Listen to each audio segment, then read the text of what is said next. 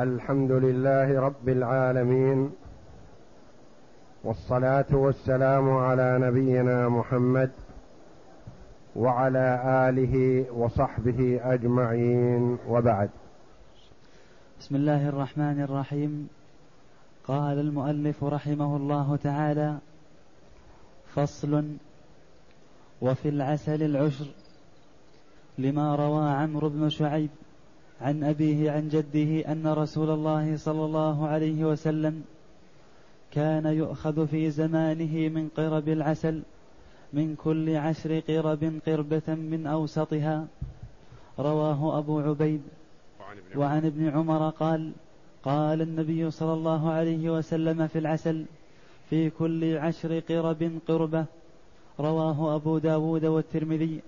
وقال الترمذي في إسناده مقال ولا يصح في هذا الباب عن النبي صلى الله عليه وسلم كبير شيء ومقتضى هذا أن يكون نصابه عشر قرب والقربة مئتي رطل. كذلك كذلك ذكره العلماء في تقدير القرب التي قدروا بها في القلتين. وقال أصحابنا نصابه عشرة أفراق لأن الزهري قال في عشرة أفراق فرق ثم اختلفوا فقال ابن حامد والقاضي في المجرد الفرق ستون رطلا. وحكي عن القاضي أنه قال الفرق ستة وثلاثون رطلا. والمشهور عند أهل العربية الفرق الذي هو ثلاثة آصع وهو ثلاثة آصع. ثلاثة آصع. وهو ستة عشر رطلا. هذا الكلام في زكاة العسل. وقد اختلف العلماء رحمهم الله في وجوب الزكاة في العسل. فذهب الإمامان مالك والشافعي أنه لا زكاة في العسل. قالوا لأنه سائل ينتج عن حيوان فهو بمثابة اللبن. وقال الإمام أحمد رحمه الله أذهب إلى أن في العسل الزكاة. يقول أخذها عمر بن الخطاب رضي الله عنه. وروي عن عمر بن عبد العزيز وعن عدد من التابعين. وأما الأحاديث المرفوعة المروية في زكاة العسل ففيها مقال بأنه لا يعتمد عليها وإنما أخذ عمر رضي الله عنه والآخرون قالوا إنهم أتوا لعمر بالعسل بالزكاة فما وسعه رده وإنما هو لم يطالبهم بذلك. واختيار الإمام أحمد رحمه الله على أن في العسل الزكاة وأن زكاة العسل العشر لأنه يؤخذ بلا كلفة ولا مشقة ولا مؤونة وإنما يجتمع من النحل. ومقدار نصابه هل هو ستمائة رطل أم هو مائة وستون رطلا أقوال الذي أخذ به الإمام أحمد رحمه الله على أن العسل نصاب العسل ست مائة وستون رطلا لأنه الفرق ثلاثة آصع وثلاثة الآصع ستة عشر رطلا. فيكون مجموع ما فيه الزكاة مئة وستون رطلا. وتعريف ووزن المقدار الفرق في الوحدات المعروفة حاليا هو قدره ستة كيلو ومئة وعشرة جرام. الفرق. فإذا ضربنا ستة كيلو ومائة وثمانية جرام في عشرة اللي هو عشرة فرق خرج مقدار نصاب العسل واحد وستون كيلو وثمانية في المئة من الكيلو. يعني واحد وستون كيلو وشيء شيء بسيط. باب زكاة الذهب والفضة. باب زكاة الذهب والفضة. يبين المؤلف رحمه الله تعالى في هذا الباب وجوب زكاة الذهب والفضة وذلك بالإجماع. فيما استعمل نقدا. ومقدار نصاب كل واحد منهما. وهل يضم أحدهما إلى الآخر بأنهما كنوعي جنس؟ أم لا يضم أحدهما للآخر لأنهما كجنسين؟ ويعرف التفصيل في هذا إن شاء الله بالاستقراء. نعم. وهي واجبة لقول الله تعالى والذين يكنزون الذهب والفضة ولا ينفقونها في سبيل الله فبشرهم بعذاب أليم. فتوعده جل وعلا الذين يكنزون الذهب والفضة ولا يعطون زكاتها بالعذاب الأليم دل دلالة واضحة على وجوب الزكاة. وأن الكنز كما روي عن ابن عباس رضي الله عنهما هو ما لم تؤد زكاته وإن كان فوق الأرض. وأما ما أديت زكاته فليس بكنز وإن كان تحت الأرض السابعة. ما دام أن زكاته أخرجت منه فليس بكنز والمرء يسلم من مغبة ماله وضرره بإخراج زكاته. والأحاديث والآيات في وجوب الزكاة في النقدين الذهب والفضة كثيرة. ولما نذكره من النصوص؟ ولأنهما معدان للنماء فأشبه السائمة. ولأن هما معدان للنما يعني الغالب في الذهب والفضة أن صاحبهما يعمل فيهما يشتغل ويكسب من ورائهما. ولكن لما كان العمل فيهما كثير قلل الله جل وعلا مقدار الزكاة فيهما فهما مع عروض التجارة أقل مقدار في الزكاة ربع العشر. وقد عرفنا أن ما يؤخذ قدره الله جل وعلا على حسب كلفة المرء في العمل فيه وتقليبه وأن ما قلت كلفته فيه الخمس وهو ما وجد من دفن الجاهلية. إذا حفر المرء أرضا له فوجد فيها ذهبا وفضة مثلا مدفون فيخرج خمسه وفي الركاز الخمس وفيما يخرج من الأرض إن سقي بلا مؤونة ففيه العشر وإن سقي بمؤونة ففيه نصف العشر وفي زكاة النقدين وعروض التجارة ربع العشر لأنها أكثر كلفة ومشقة. نعم. ولا زكاة إلا في نصاب. ولا زكاة في الذهب والفضة إلا فيما بلغ نصاب.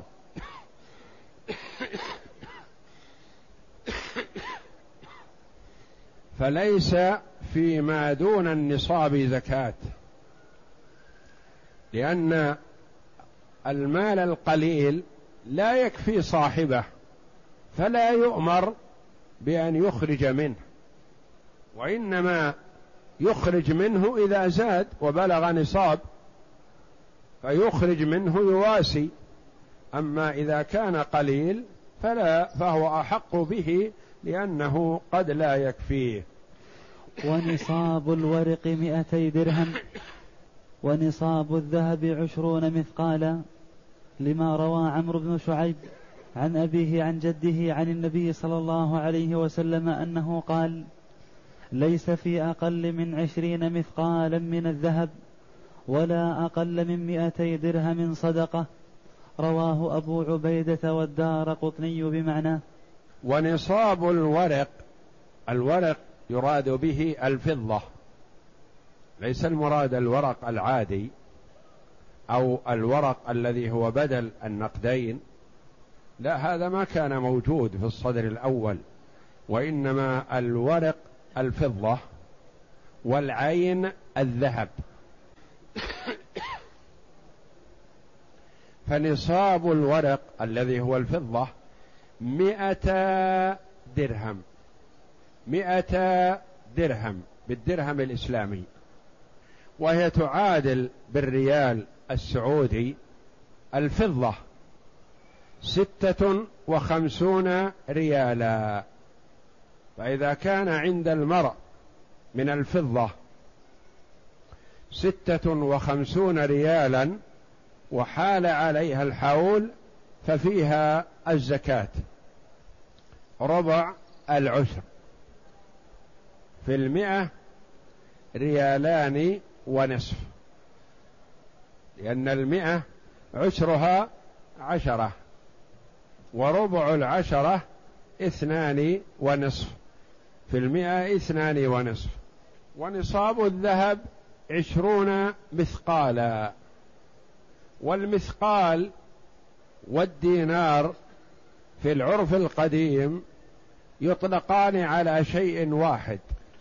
يقال هذا دينار وهذا ويقال عنه مثقال. والنصاب في الذهب عشرون مثقالا عشرون دينارا بالدينار الإسلامي. وقدره أحد عشر جنيه وثلاثة أسباع الجنيه بالجنيه السعودي. ووزن النصاب بالفضة والذهب حسب الموازين المعروفة حاليا التي هي الجرام والكيلو. الدينار وزنه أربعة جرام وأربعة وعشرين في المئة. إذا ضرب هذا المبلغ بعشرين مثقال يعني المثقال الواحد والدينار الواحد المعروف الصدر الأول أربعة جرام وأربعة وعشرين في المئة. وفرقوا في الصدر الأول بين وزن الدينار والمثقال من الذهب ومن غيره. فقالوا وزنه من الذهب بعد ضبطه أربعة جرام وأربعة وعشرين في المئة.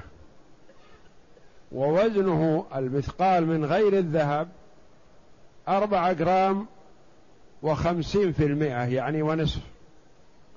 فجرام الذهب يلي هو آه، دينار الذهب أربعة جرام وأربعة وعشرين في المئة. إذا ضربت هذه بعشرين كم يكون نصاب الذهب بالجرامات؟ أربعة وثمانون جرام وثمانون في المئة من الجرام. يعني ينقص عن خمس وثمانين شيء يسير. خمس. يعني خمس وثمانين جرام إلا خمس. هذا نصاب الذهب. فإذا كان الذهب بهذا القدر فقد بلغ نصابا. والدرهم الإسلامي وزنه بحسب الجرامات اثنين جرام وسبع وتسعين في المئة. يعني ثلاثة جرام إلا ثلاثة في المئة إلا قليل. اضرب هذا المقدار اثنين صحيح وسبع وتسعين في المئة اضربها في مئتي درهم لأن هذا وزن الدرهم الواحد. يكون نصاب الفضة بالجرامات خمسمائة وأربعة وتسعين جرام.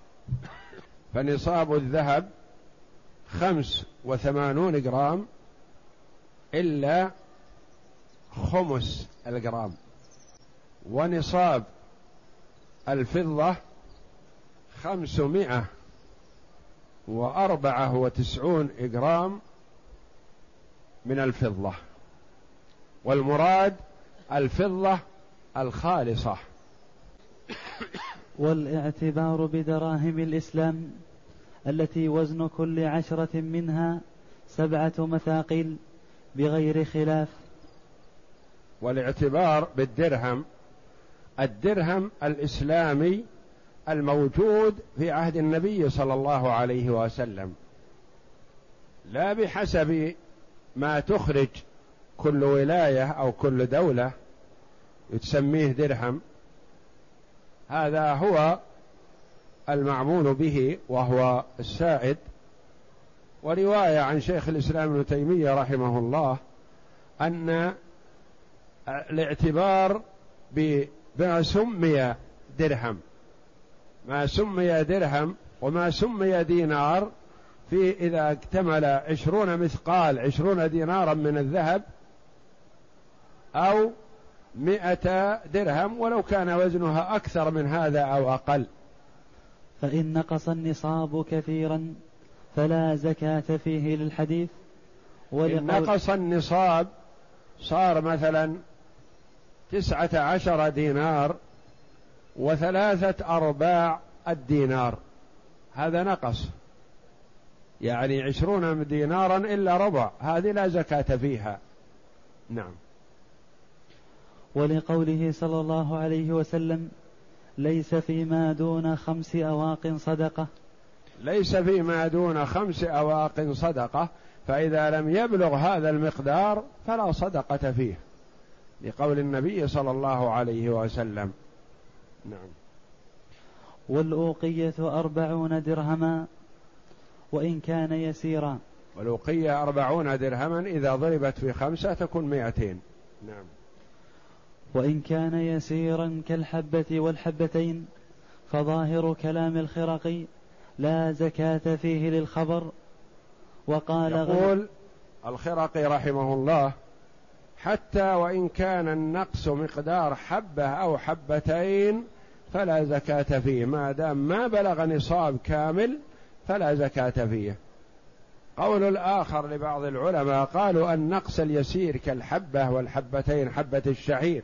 غالبا ما يقدرون فيها حبة الشعير إذا كان نصاب إلا نقص حبة.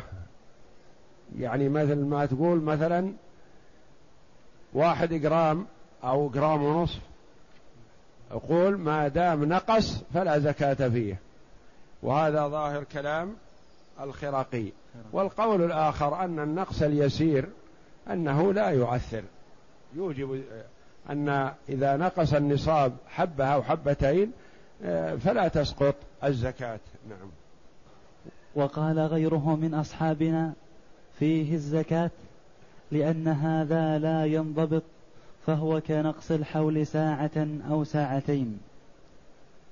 إذا جاء المصدق مثلا أو نقص الحول ساعة أو ساعتين هو ملك مثلا هذه الماشية بعد الظهر. فالأصل أنه يتم حوله بعد تمام أربعة اثنى عشر شهرا بعد الظهر. لو باع ماشيته مثلا قبل الظهر بساعة. هذا في نقص في الحول مقدار ساعة أو ساعتين لكن هذه لا تؤثر ولا يلتفت له. ما يقال سقطت الزكاة ما دام بعتها قبل تمام الحول بساعة تسقط. لا ما تسقط.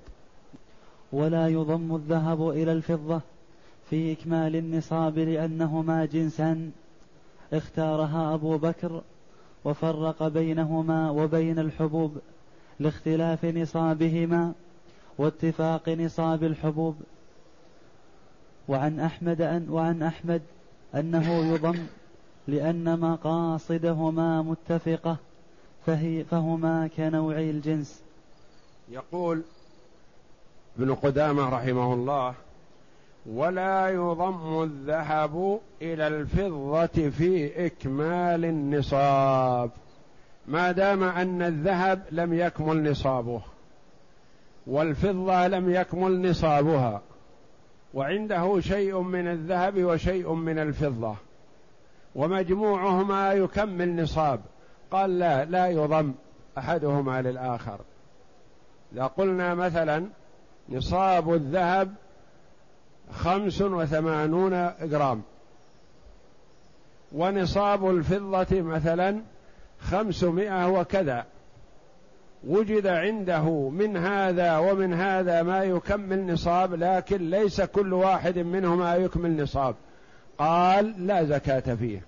ما دام أن الذهب ينقص عن عشرين مثقالا ربع مثقال أو ربع دينار فلا زكاة فيه والفضة تنقص عن مائتي درهم درهم واحد من مائتين فلا زكاة فيه لما يرحمك الله؟ يقول لأنهما جنسان جنسان وبينهما فرق واختلف نصاب كل واحد عن الآخر فلا يضم جنس إلى جنس. وإنما كل واحد قائم بذاته. إذا اكتمل نصاب الذهب نقول أخرج زكاته. إذا اكتمل نصاب الفضة نقول أخرج زكاته. لكن لا نقول اجمع الذهب والفضة وكمل بهما نصاب واحد. نعم. ويضم أحدهما إلى الآخر بالأجزاء. لا لا. وعن أحمد أنه يضم لأن مقاصدهما متفقة. يعني قيمتهما معنويتهما متفقة لأنهما نقدان. فالقول الآخر رواية عن الإمام أحمد رحمه الله أنه يضم. إذا صار عنده نصف نصاب ذهب ونصف نصاب فضة نقول أخرج زكاتهما لأنه اجتمع عندك نصاب. نصف من هذا ونصف من هذا. ثلاثة أرباع من هذا وربع من هذا أخرج زكاتهما لأنه اكتمل نصاب. عندك مقدار من هذا ومقدار من هذا يكملان نصاب أحدهما ففيه الزكاة. وكيفية حساب نصاب هذا ونصاب هذا؟ نعم. ويضم. ويضم أحدهما إلى الآخر بالأجزاء فيحسب كل واحد من نصابه ثم يضم إلى صاحبه لأن الزكاة تتعلق بأعيانهما فلا تعتبر قيمتهم قيمتهما كسائر الأموال. وعنه يضم بالقيمة إن كان ذلك أحظ للفقراء. فيقوم الأعلى فيقوم. فيقوم الأعلى منهما بالآخر. نعم. فإذا ملك. فإذا ملك مئتي درهم وتسعة دنانير قيمتها مئة درهم وجبت زكاتها مراعاة للفقراء. ويجب في الزائد على النصاب بحسابه لأنه يتجزأ من غير ضرر فأشبه الحبوب. ويضم أحدهما إلى الآخر بالأجزاء وعنه بالقيمة. ما الفرق بين هذا وهذا؟ يضم أحدهما إلى الآخر بالأجزاء وعنه يضم بالقيمة. بينهما فرق. فإذا قلنا بالأجزاء مثلا ملك مئة درهم وملك تسعة مثاقيل. إذا قلنا الضم بالأجزاء فلا تجب فيها الزكاة لأن مئة, مئة الدرهم مئة واحدة نصف نصاب للفضة. وتسعة دنانير أقل من نصف نصاب ذهب. ما اكتمل نصاب. نصف نصاب فضة وأقل من نصف نصاب ذهب. ما اكتمل نصاب فلا زكاة فيها. هذا إذا قلنا بالأجزاء. إذا قلنا بالقيمة القول الآخر يكون فيها الزكاة لأنه ملك مئة درهم هذه نصف نصاب فضة وملك تسعة دنانير. تسعة الدنانير كم قيمتها؟ قالوا قيمتها مئة وخمسين درهم. نقول ضم مئة وخمسين مع المئة يكون المجموع مئتين. فيها الزكاة. بالأجزاء لا زكاة فيها. بالقيمة قد يكون فيها الزكاة. فيها الزكاة إذا ضم إذا قدرت قيمة الذهب فضة. وإذا قدرت قيمة الفضة ذهب ما كمل النصاب. فينظر الأحظ للفقراء. مئة درهم هذه نصف نصاب. تسعة دنانير أقل من نصف نصاب. على القول الأول الضم بالأجزاء ما اجتمع عنده نصاب. ما في زكاة. لأن هذا مع هذا نصاب من هذا ونصف نصاب من هذا. ما اكتمل ما في زكاة. هذه الأجزاء. بالقيمة إذا نظرنا للقيمة قومنا نحن لصالح الفقير وجبت الزكاة. إذا قوم المرء لنفسه لصالحه ما وجبت زكاة فإلى أي القيمتين ننظر؟ إلى القيمة التي في صالح الفقير. إيضاح هذا مثلا عنده مئة درهم. هذه كم؟ نصف نصاب. عنده تسعة مثاقيل تسعة دنانير. هذه أقل من نصف نصاب. على القول الأول بالأجزاء لا زكاة فيها. على القول الأول التقدير بالقيمة يختلف الحال. أنا أقدر لصالح الفقير. أقول عندك يا أخي مئة درهم. وعندك تسعة دنانير. اعرضها في السوق هذه تسعة الدنانير. كم تساوي؟ يقول تساوي كثير. تسعة دنانير في الفضة كثير. تساوي أكثر من مئتي درهم. يقول يا أخي إذن عندك نصاب فأدي زكاته. يقول لا يا أخي أنا أريد أن أقدر تقدير آخر. ما يعجبني تقديرك هذا. أنا أقول عندي تسعة مثاقيل تسعة دنانير وعندي مئة درهم. أبعرض المئة الدرهم بالسوق وأبيعها بذهب. وأنظر إن كمل عندي نصاب ذهب فعلى العين والرأس أنا أدفع. وإما كمل عندي يا أخي لا تكلفني ما لا أطيق. يقول جرب. عرض في السوق مئتي درهم فجابت ثلاثة دنانير. مع التسعة صارت اثنى عشر دينار. هل فيها زكاة؟ لا. ففي نظرين لا زكاة فيها. إذا نظرنا للأجزاء لا زكاة فيها. إذا نظرنا إلى تقييم الفضة بالذهب وضمه إلى ما عنده من الذهب لا زكاة فيها. إذا نظرنا إلى تقييم الفضة قيمنا الفضة بالذهب. يعني قيمنا الذهب الذي عنده بفضة حتى نضمه إلى الفضة صار فيها زكاة. أينا أولى بالأخذ به؟ غالبا الاحتياط وبراءة الذمة.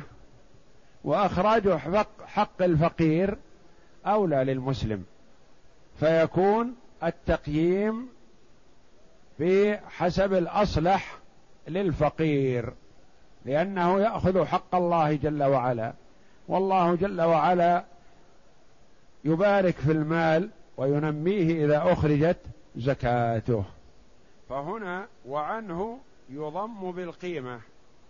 إن كان ذلك أحظ للفقراء فيقوم الأعلى منهما بالآخر فإذا ملك مئة درهم وتسعة دنانير قيمتها مئة درهم وجبت زكاتها مراعاة للفقراء ويجب في الزائد على النصاب بحسابه لأنه يتجزأ من غير ضرر فأشبه الحبوب. هذا بحساب هذا لا إشكال فيه لأن زكاة النقدين بحسب كل واحد لا بحسب النصاب فقط وما بين نصابين لا زكاة فيه لا. ملك مئتا ملك هو مئتي درهم. كم فيها؟ فيها خمسة دراهم. ربع العشر. ملك مئتي درهم وعشرة دراهم. عشرة. فيها خمسة دراهم وربع. لأن عشرة الدراهم كم زكاتها؟ ربع درهم. كل شيء بحسابه. ملك مئتي درهم وعشرين درهم. عشرين الدرهم زكاتها نصف درهم. أربعون درهم زكاتها درهم. وهكذا. فليس كالسائمة من نصاب إلى نصاب. يقال مثلا مئة درهم فيها خمسة دراهم. حتى يبلغ نصابين فيه عشرة دراهم. لا قل لا. كل درهم بحسبه. فصل والواجب فيهما ربع العشر لقول النبي صلى الله عليه وسلم في الرقة ربع العشر. في الرقة الرقة الرقة. في الرقة ربع العشر. الفضة. نعم. في الرقة ربع العشر. رواه البخاري. والرقة الدراهم المضروبة. فيجب في المئتين خمسة دراهم وفي العشرين مثقالا نصف مثقال في الرقة ربع العشر. والرقة هي الدراهم المضروبة. يعني المستعملة نقدا. فيها ربع العشر. سواء كانت ذهب أو فضة أو دنانير. إذا بلغت نصابا ففيها ربع العشر. وربع العشر اثنان ونصف المئة. واحد في الأربعين. قل أو كثر ما دام بلغ نصاب ففيه ربع العشر. ويخرج عن كل واحدة من الردي والجيد وعن كل نوع من جنسه إلا أن يشق ذلك لكثرة الأنواع واختلافها فيؤخذ من الوسط لما ذكرنا في الماشية. ويخرج عن كل واحد من الردي والجيد من نوعه منه.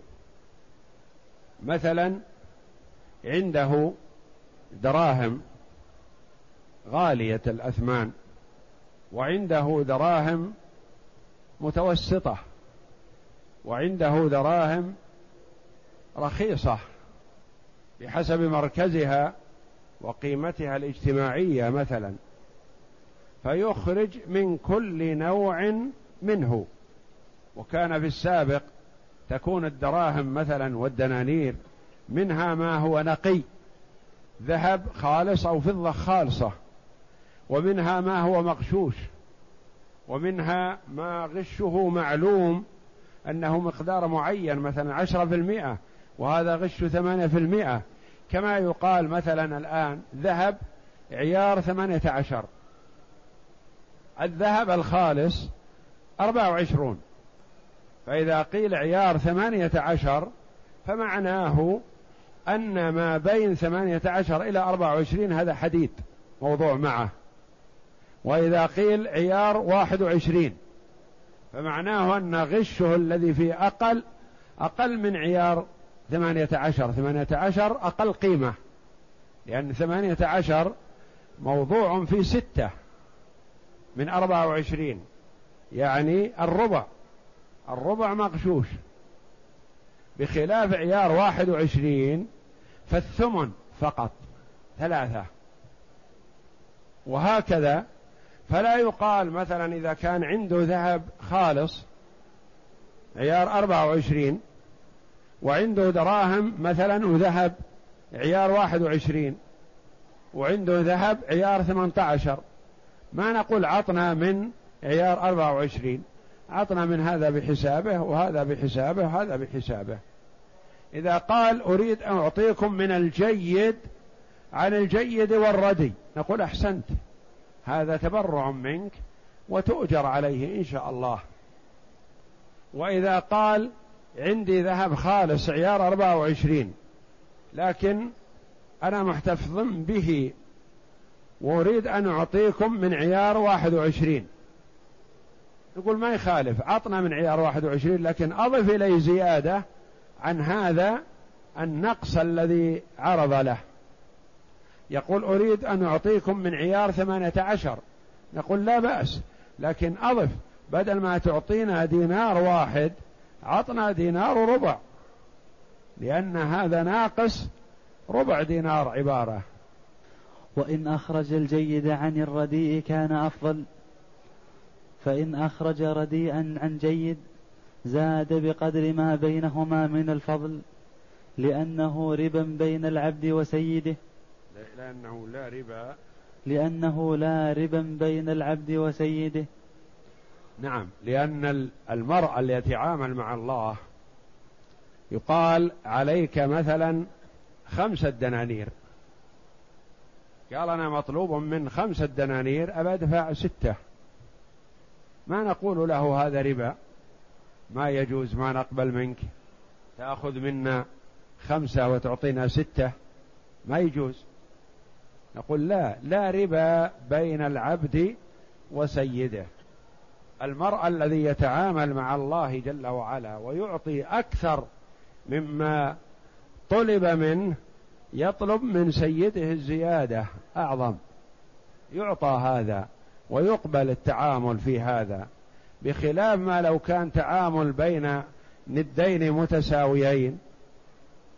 يقول مثلا باخذ منك خمسة دراهم وبعطيك ستة بس اصبر علي يوم ويومين.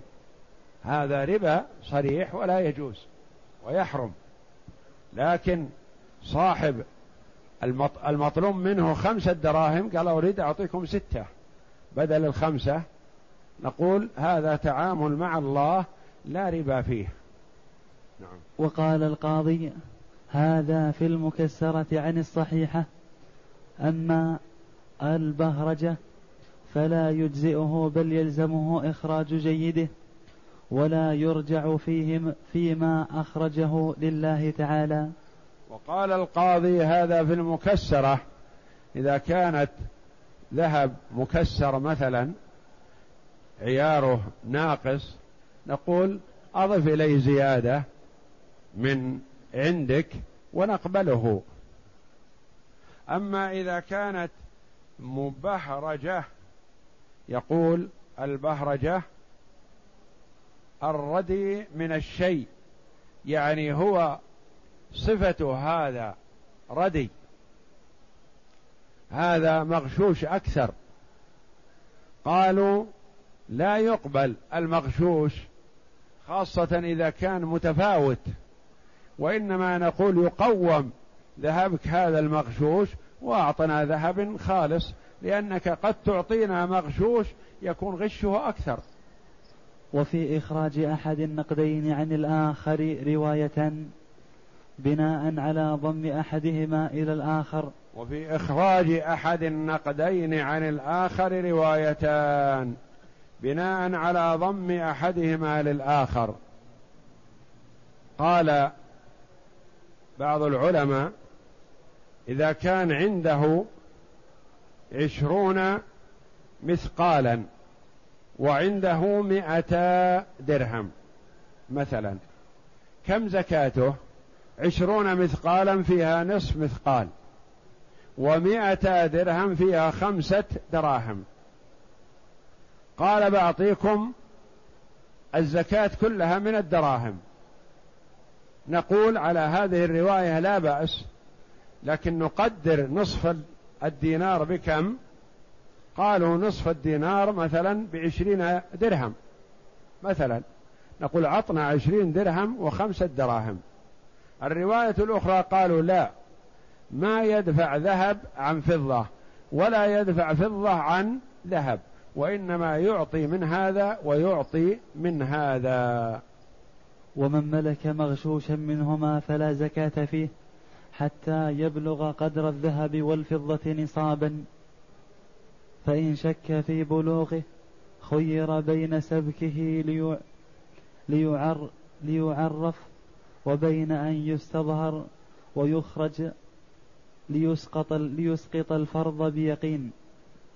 ومن ملك مغشوشا منهما فلا زكاة فيه حتى يبلغ قدر الذهب والفضة نصابا. واحد عنده اثنان وعشرون دينار. اثنان وعشرون دينار نصاب.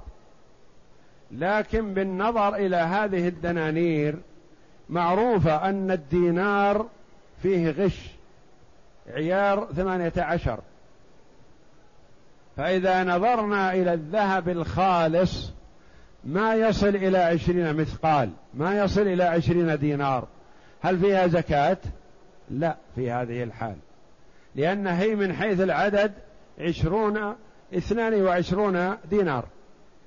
لكن كل دينار فيه نقص ربع. هل تكمل مجموعها نصاب مع النقص؟ لا. إذن فلا زكاة فيها ما لم يبلغ الذهب الخالص عشرون مثقالا. شخص عنده ثلاثمائة درهم. لكن ثلاثمائة الدرهم هذه فيها حديد كثير. معروف أنها سمى درهم وفضة وكذا لكن معروف أنها فيها نسبة من الحديد أو من النحاس كثيرة. فإذا صفيت ثلاثمائة الدرهم ما بلغت مئتين صافية. هل فيها زكاة؟ لا زكاة فيها حينئذ لأنها لا تصل إلى مئتي درهم صافي ولا والأولى لا تصل إلى عشرين مثقال صافي. فإن شك في بلوغه خير. يقول ما يبلغ هذا الذهب الذي عندي نصاب؟ لأن فيه غش كثير. نقول نعرضه على أهل الصنف. أنت عندك خمسة وعشرون دينارا. خمسة وعشرون هل فيها عشرون دينار صافي من الذهب؟ يقول ما أظنها تصل إلى هذا المقدار. يمكنها تكون ثمانية عشر وحوله أو تسعة عشر دينار ما تصل إلى عشرين. نقول نعرضها على من يعرف. قالوا لا هذه تبلغ عشرين مثقال. يقول ما أقبل كلامهم علي. نقول إذن أنت بالخيار. إن شئت اقبل كلامهم وادفع الزكاة وإلا صفه. وديها لصاحب مصنع الذهب يطلع الذهب الخالص ويأزنه. ولا نضيع حق الفقراء بقولك ما أظن أن هذا يصل إلى نصاب. لأنه لازم من الاحتياط وبراءة الذمة بإخراج حق الفقير. والإمام جعله الله جل وعلا ينوب عمن لا يستطيع القيام بشؤونه في كل شيء. فهو نائب عن الفقراء في أنه يطالب الأغنياء بحقوق الفقراء. فصل ولا زكاة في الجواهر واللآلي لأنهما معدة للاستعمال فأشبهت ثياب البذلة. البذلة. البذلة وعوامل الماشية. وأما الفلوس فهي كعروض التجارة تجب فيها زكاة القيمة. ولا زكاة في الجواهر واللآلئ الجواهر غير الذهب والفضة كالزمرد مثلا والماس وأحجار كريمة وغيرها وغيرها مثلا من ذات القيمة لكنها ليست بذهب ولا فضة. هذه لا زكاة فيها. لأن هذه الغالب فيها ما أعدت لإنما ويباع فيها ويشترى. إلا إذا صارت من عروض التجارة ففي عروض التجارة حتى لو كان تراب الأرض. الرجل يتاجر في تراب الأرض مثلا هذا عروض تجارة. يدفع زكاته. وأحجار كريمة وغيرها إذا كانت عبارة عن عروض تجارة فيها زكاة.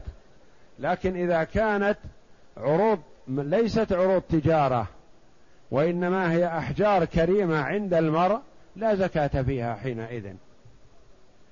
يقول فاشبهت ثياب البذلة. الثياب التي يستعملها المرء للمناسبات. ثياب يوم الجمعة ثياب العيدين ثياب كذا مثلا قد يلبس لباس مثلا بعشرة دراهم بعشرة أريال أو خمسة عشر ريال أو عشرين ريال لكن في المناسبات يلبس لباس مثلا بألف ريال بخمسة آلاف ريال. هل في هذه اللباس الزينة ذا فيه زكاة؟ لا ليس فيه زكاة.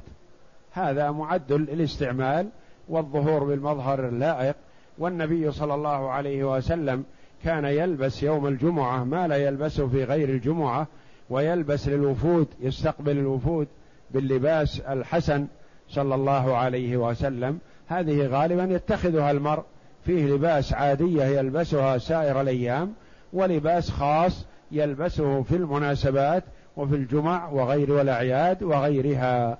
فهذه التي هي ثياب البذلة مثل اللآلئ والأحجار الكريمة ونحوها لا لا زكاة فيها ما لم تكن معدة للتجارة. وأما الفلوس الفلوس كقروش الحديد مثلا ليس الذهب ولا فضة لكن ذات قيمة.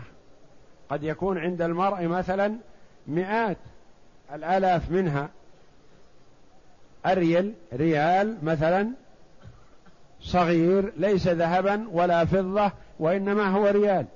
ومثل الورق كذلك. هذا ليس ذهب ولا فضة وإنما هو بقيمته أنه ريال. فهذا فيه الزكاة. القروش بحسب قيمتها وريال الورق وغيره بحسب قيمته وهكذا. لأنك لو قلت مثلا ريال الورق هذا بصرف النظر عن قيمته المعنوية ما يساوي شيء. لكن قيمته المعنوية هذا خمسمائة ريال تشتري بها مثل ما تشتري بخمسمائة ريال فضة. وهي ورقة واحدة مثلا. فهذا فيه الزكاة بحسب قيمته. والله أعلم. وصلى الله وسلم وبارك على عبده ورسول نبينا محمد وعلى آله وصحبه أجمعين.